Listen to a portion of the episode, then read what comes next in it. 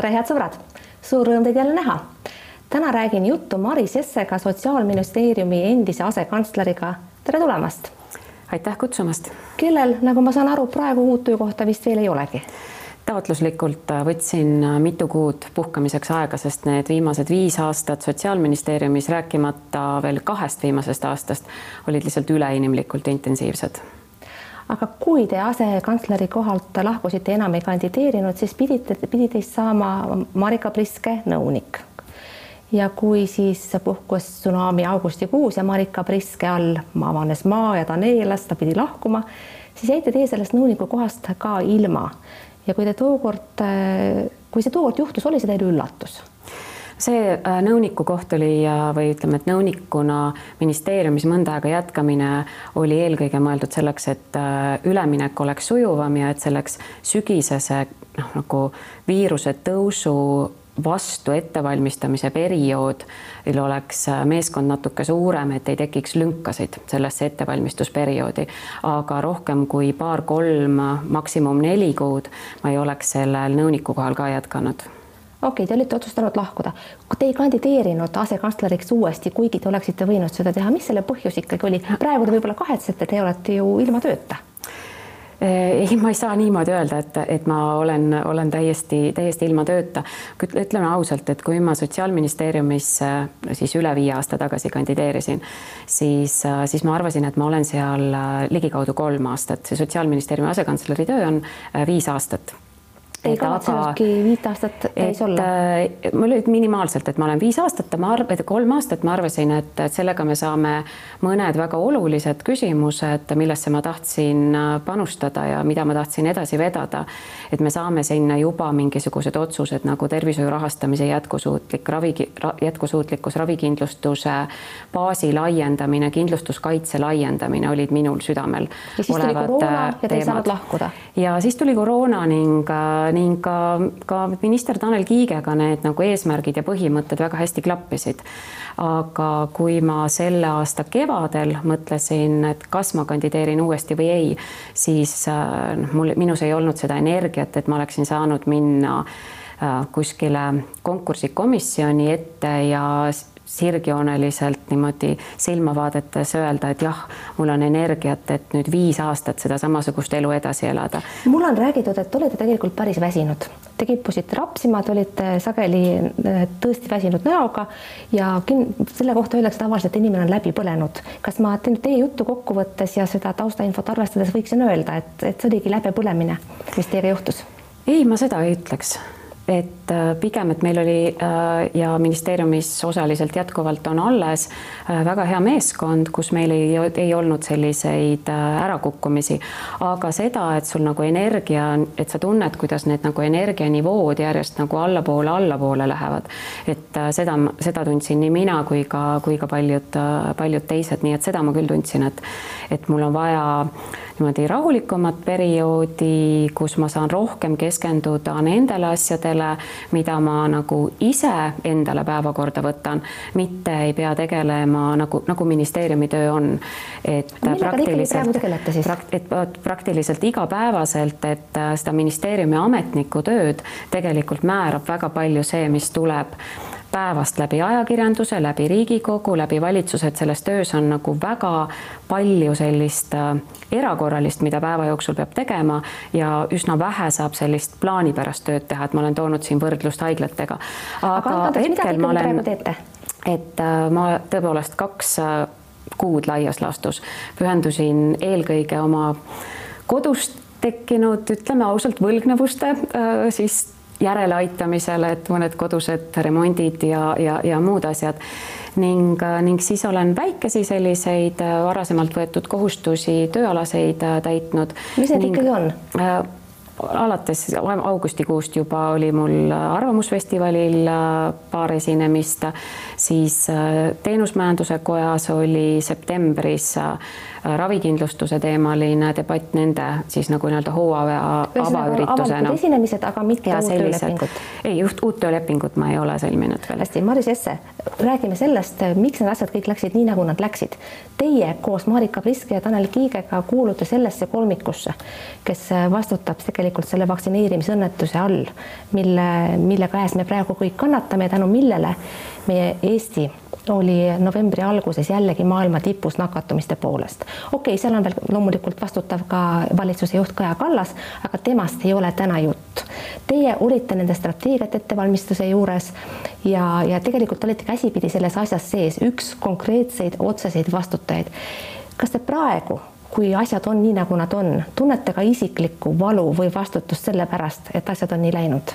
muidugi me mõtleme kõik, eh, kes me otsuste juures oleme olnud, et mis hetkel ja mida oleks pidanud teisiti tegema, mis eh, läks hästi ja, ja tõesti, et mis, mis, kus olid nagu sellised murdepunktid. aga mis on oluline meeles pidada, et me ei vaktsineeri mitte sellepärast, et nakatumisi vähendada, et seda on olnud, seda on algusest teada olnud et vaktsiinid olid uuritud, testitud, äh, efektiivsed selle osas, et nad kaitsevad väga hästi raske haigestumise vastu ning vaktsiinid teevad seda praegu jätkuvalt äh, hästi, et kaitsevad raske haigestumise vastu. et äh, ma kevadel, ma arvan, lugematud kordi, kui ma pidin kuskil koosolekutel, sellistel ähm, Zoomi esinemistel erinevatele osapooltele vastama sellele küsimusele, et, et nad küsivad, et aga, aga et, et aga kui hästi nad nakatumise vastu vastavad, noh, kaitsevad, ma ütlen, et see ei ole veel teada, et need uuringud tulevad, aga et me eelkõige vaktsineerime raske haigestumise vastu, aga raske haigestumine on see, mis hoiab ära äh, haiglakoormuse ja nüüd äh, vabandust, et mu vastus nii pikaks läheb. katsume äh, natuke lühemalt, sest küsimusi on palju.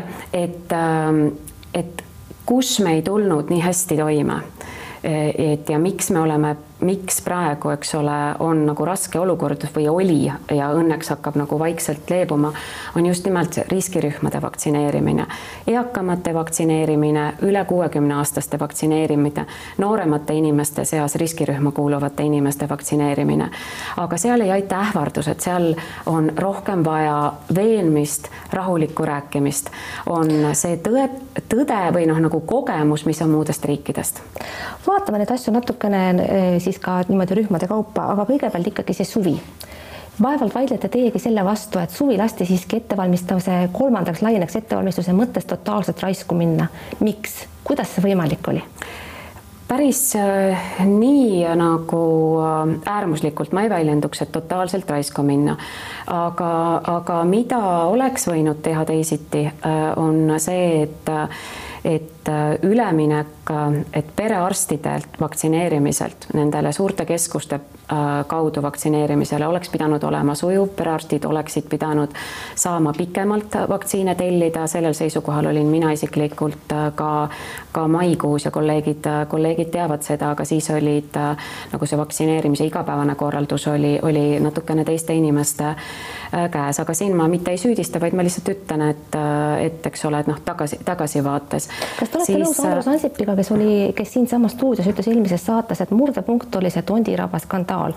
mul on see väga hästi meeles, see oli siis see hetk, kus äh, järsku -hmm. eksituse tõttu said sinna vaktsineerima minna ka nooremad inimesed, kes siis aeti sealt minema, neid häbistati, et nad võtavad vanematelt vaktsiine ära ja pärast seda toimus väga oluline muutus suhtumises vaktsineerimisse. tõepoolest mäletan ka mina seda, et paljud lõid käega, et kui riik minusse niimoodi suhtub, et ma läksin ennast kaitsma ja kaitsma teisi inimesi selle kaudu, et ma olen süstitud ja ma saan sõimata, mind häbistatakse, siis ma võib-olla ei lähegi enam mm. uuesti ei, ajajoon ei klapi päris hästi, sellepärast et see äh, äh siis selle nii-öelda Sõlekeskuse ja Tondiraba suurte keskuste teema oli äh, lihavõtete ajal. aga see vaktsineerimise tempo meil äh, hakkas alla minema, eks ole, äh, jaanipäevast. et, et nii, et, et sinna läksid vaktsineerima inimesed, kes, kes väga tahtsid.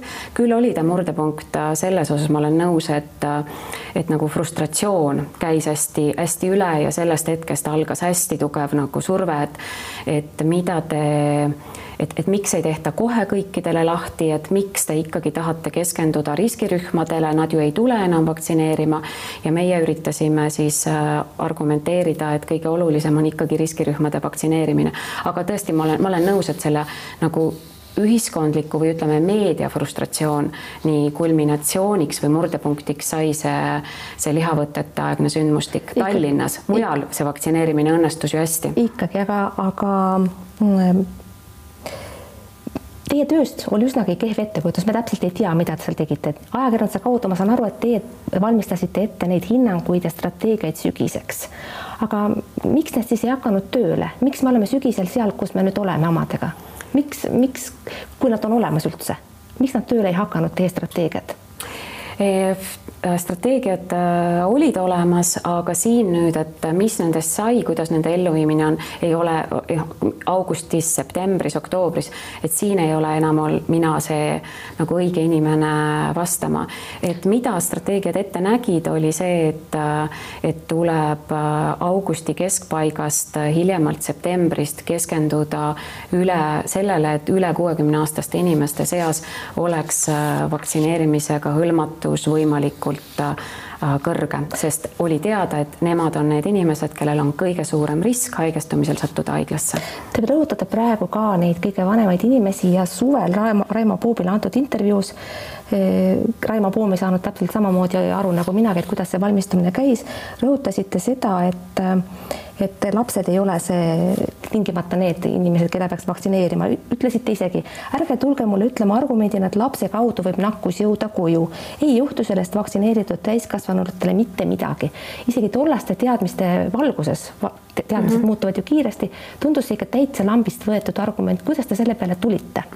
ma mäletan seda intervjuud äh, väga hästi ja, ja Raimo Poomi esitatud argument oli selline, et kui lapsed on vaktsineeritud, siis ei ole sellest lugu, et äh, kodus on vanaema vaktsineerimata, sellepärast et äh, siis vaktsineeritud lapse kaudu enam ei jõua viirust koju.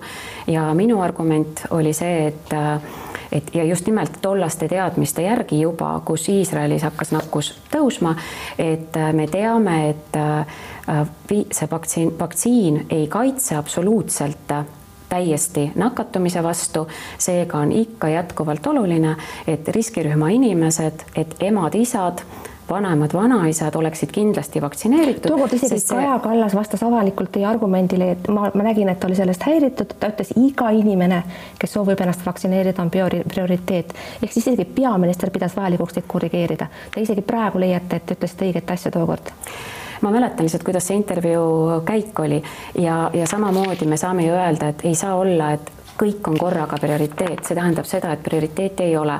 aga see oli selline suhteliselt emotsionaalne intervjuu ja ma kahetsesin seda, et ma lasin ennast provotseerida selles, sellisesse nagu olukorda, kus oli võimalik selline pealkiri tekitada, seda ma küll kahetsen, aga jätkuvalt, et, et ka täna midagi ei ole teha, ma ei saa, ma ei saa midagi teha, ma pean ütlema seda, et jätkuvalt kõige-kõige olulisem on see, et meil oleks võimalikult hästi vaktsineeritud riskirühma inimesed, inimesed, eakamad Hästi. inimesed. mille eest te saite ligi üheksa tuhat eurot preemiat, kui te lahkusite? Te lahkusite tegelikult aval-, avalikkus ei armastanud teid ülearu, iga teie sõna pandi tähele ja teid, teie suhtes oldi väga kriitiline.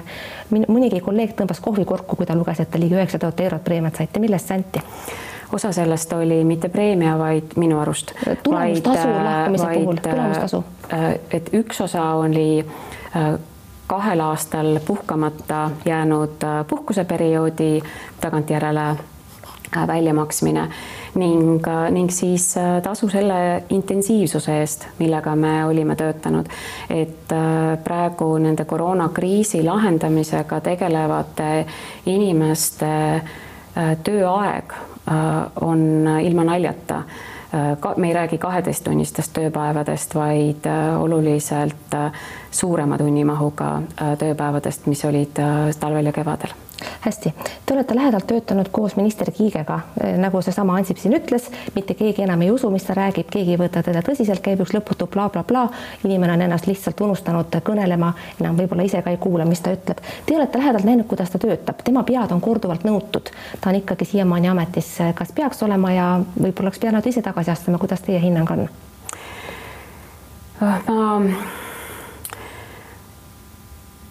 ma näen, et äh et sellel kriisis on ka kogemus oluline, et ja minister Kiigel on nendest varasematest lainetest kogemus kaasa võtta.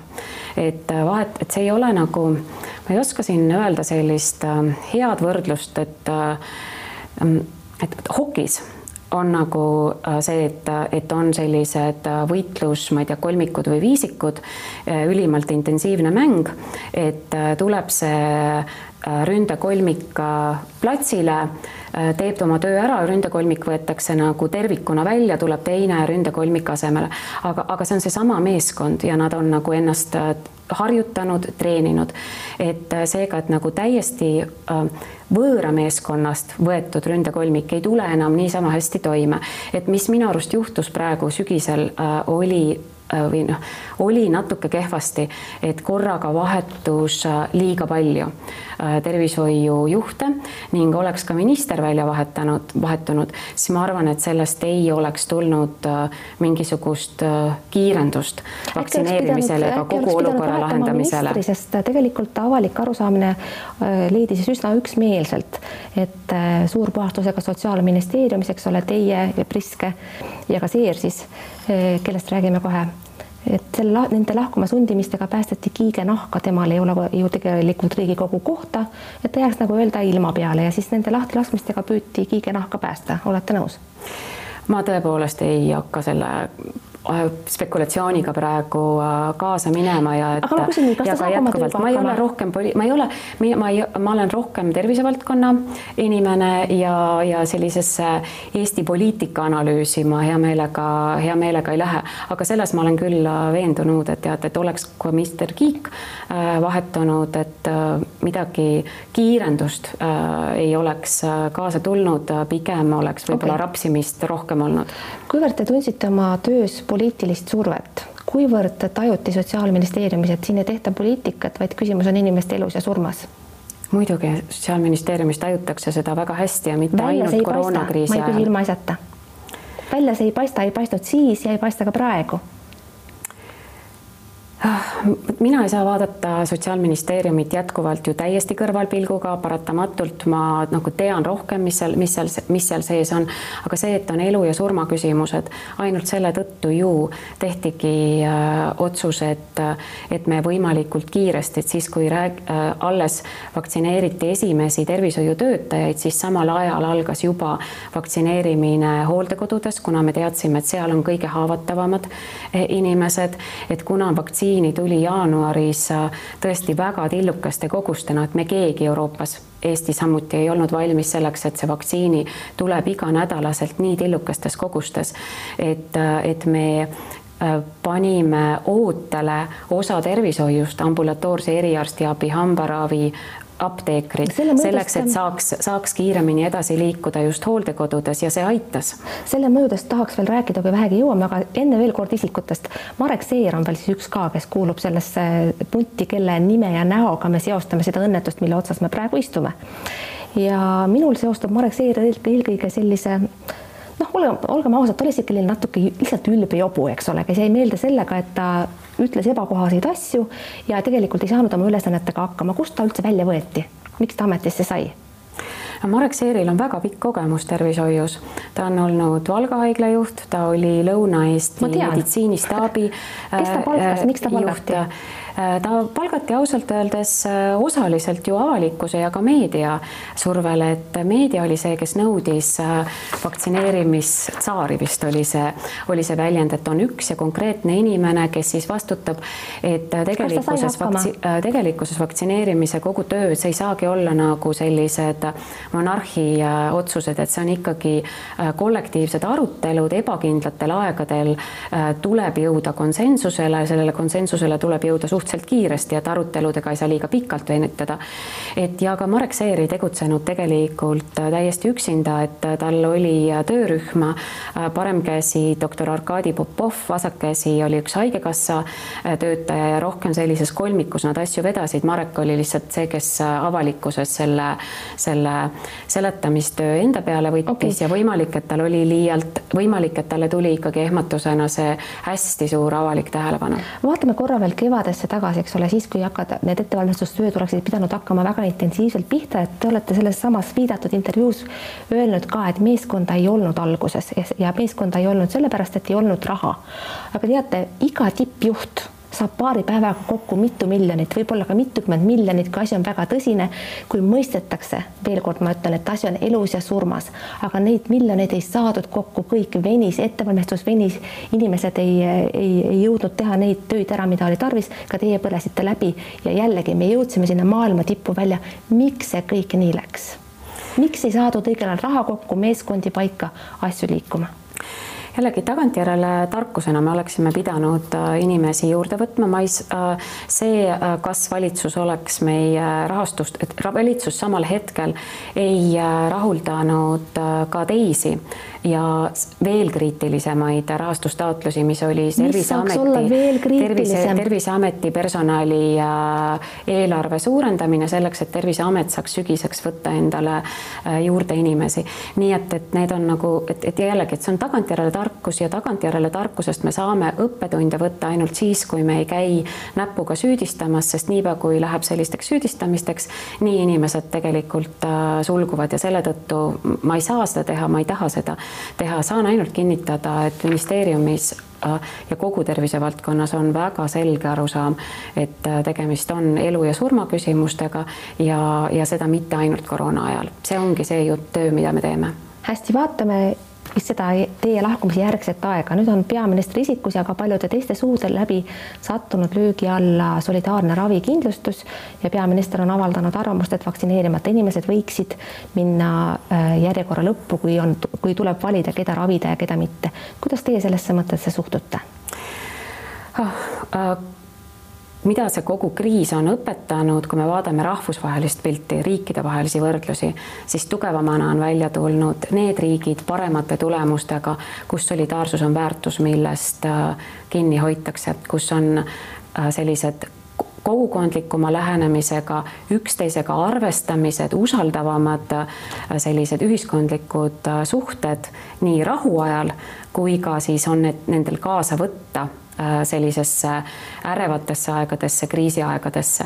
nii et, et kui minu jaoks midagi on see kriis õpetanud, on see, et solidaarsus on väärtus, mida me peame hoidma ja mida me peame äh, edasi arendama. aga raha ei ole lõputult, üheksakümmend viis protsenti ravirahast on kulunud kaitsesüstimata inimeste peale.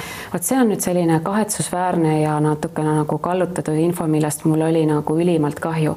sellepärast, et enamik sellest ravirahast, sellest üheksakümne viiest protsendist kulus vaktsineerimata inimestele ajal, kui vaktsiini veel ei olnudki, kui ei olnud veel võimalust vaktsineerida. praegu see proportsioon on natukene, eks ole, äh, teistsugune.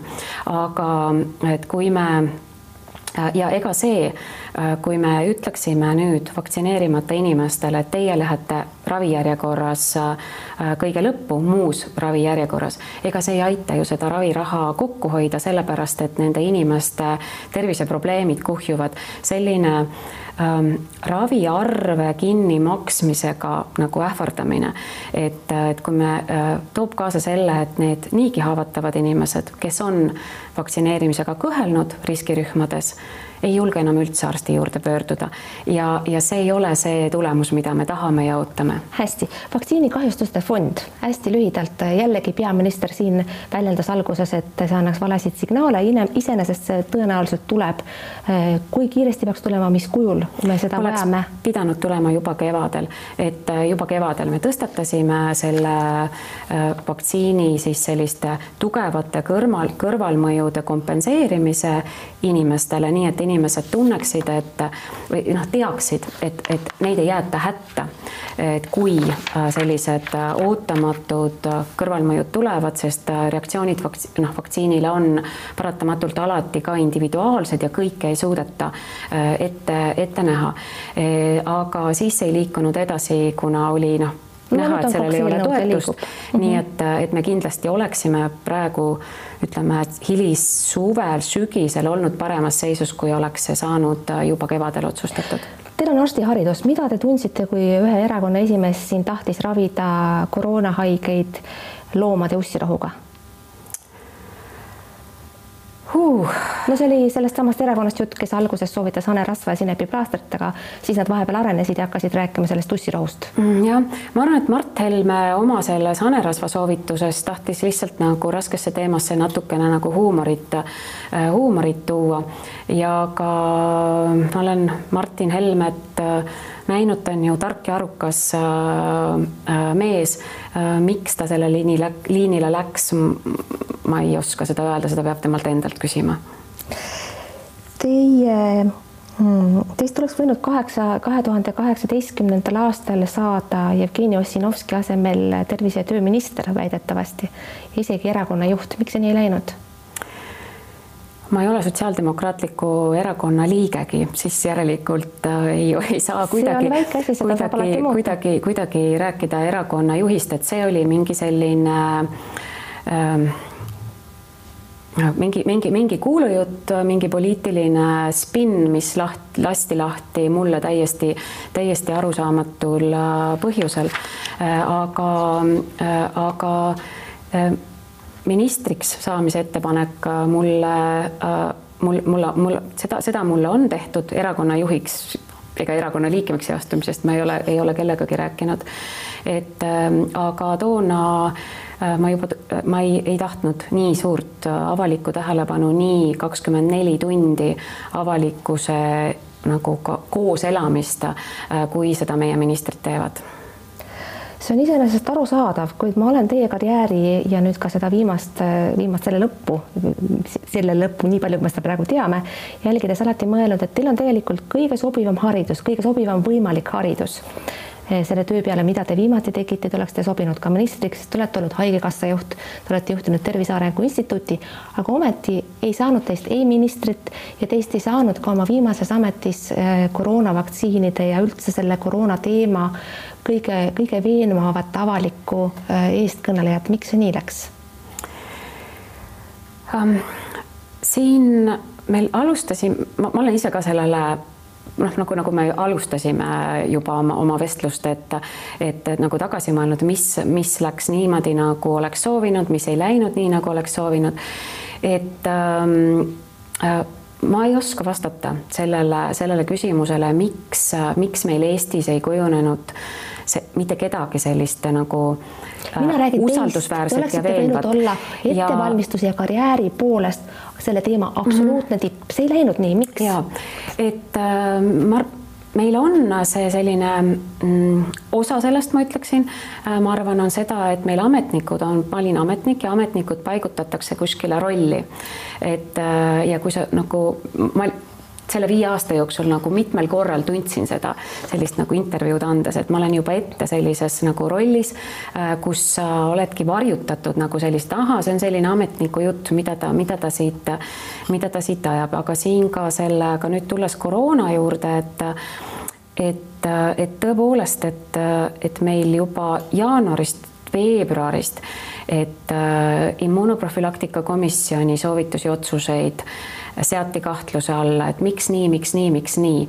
Ja et kui räägid selle kahtluse alla nagu panijaga niimoodi nagu nelja silma all, siis see on selline suhteliselt nagu, nagu rahulik, arutlev jutt, aga siis tuleb noh, nagu suured pealkirjad, mis on sellised vastanduvad, et ma ei tea, et ma arvan, et me oleme sellises nagu hetkel tõepoolest sellises nagu murdepunktis, et, et, et kas me, kas me kasvame edasi selliseks nagu hoidvaks, usaldavaks ühiskonnaks või selliseks, et nagu kõike kahtluse alla panevaks, ründavaks, sest alati on ka miski vastuargument. ja mina olin ja mida ma nüüd tulles siis enda juurde ja. tagasi, et ma tundsingi, et ma või noh, ja tunnengi, et ma olin nagu sinna kuidagi nagu, nagu keskele sellise äh, nagu üldise, et ma olin lihtsalt nagu üks osake sellisest üldisest äh, nagu keskkonnast, kus nagu kõike pandi kahtluse alla, frustratsioon kogu ühiskonnas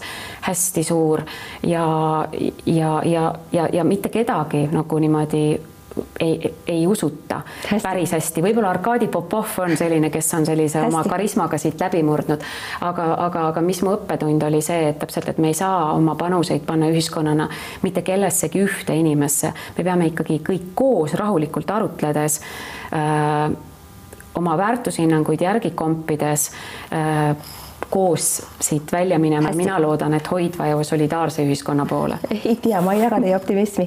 Te veel lõpuks hästi lühidalt, teil on arstiharidus, ma juba viitasin, te ei ole päevaga arstina töötanud, miks?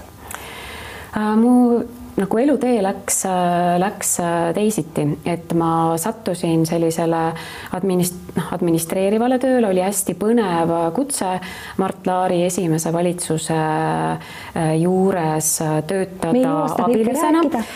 ja sealt ja sealt edasi mul läkski tagasi küll tervishoidu, aga administreerimise poolele, seal, et mul on magistriharidus kahest väga heast äh, ülikoolist äh, Londonis ja ja siis ma olen, olen jätkanud rohkem siis sellise tervishoiukorralduse poole peal. Läks nii.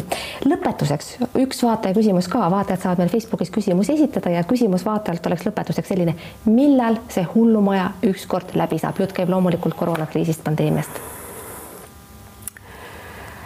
ma kevadel meil äh, olid rahvusvaheliselt ka nagu ennustused, vaadates äh, eelnevaid pandeemiaid, et, äh, et kahe-kolme aastaga peaksid need äh, lained nagu kaks aastat on varsti täis. ja just nimelt kaks aastat on täis, et, et, et nad peaksid hakkama niimoodi vaibuma, toona oli ka lootus selline, et kuna eelmiste pandeemiate kogemus oli ajast, kus äh, vaktsiine ei olnud maailmas, et, et vaktsiin aitab nagu kiiremini alla suruda. aga siis millal aga...? konkreetne vastus lühike, millal?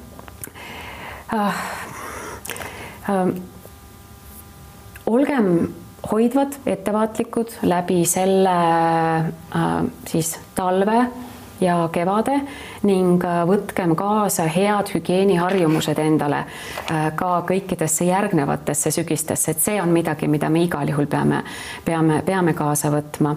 muide, täiesti aktsepteeritav vastus on ka ei tea. Maris Jesse, ma tänan teid stuudiosse tulemast, head sõbrad.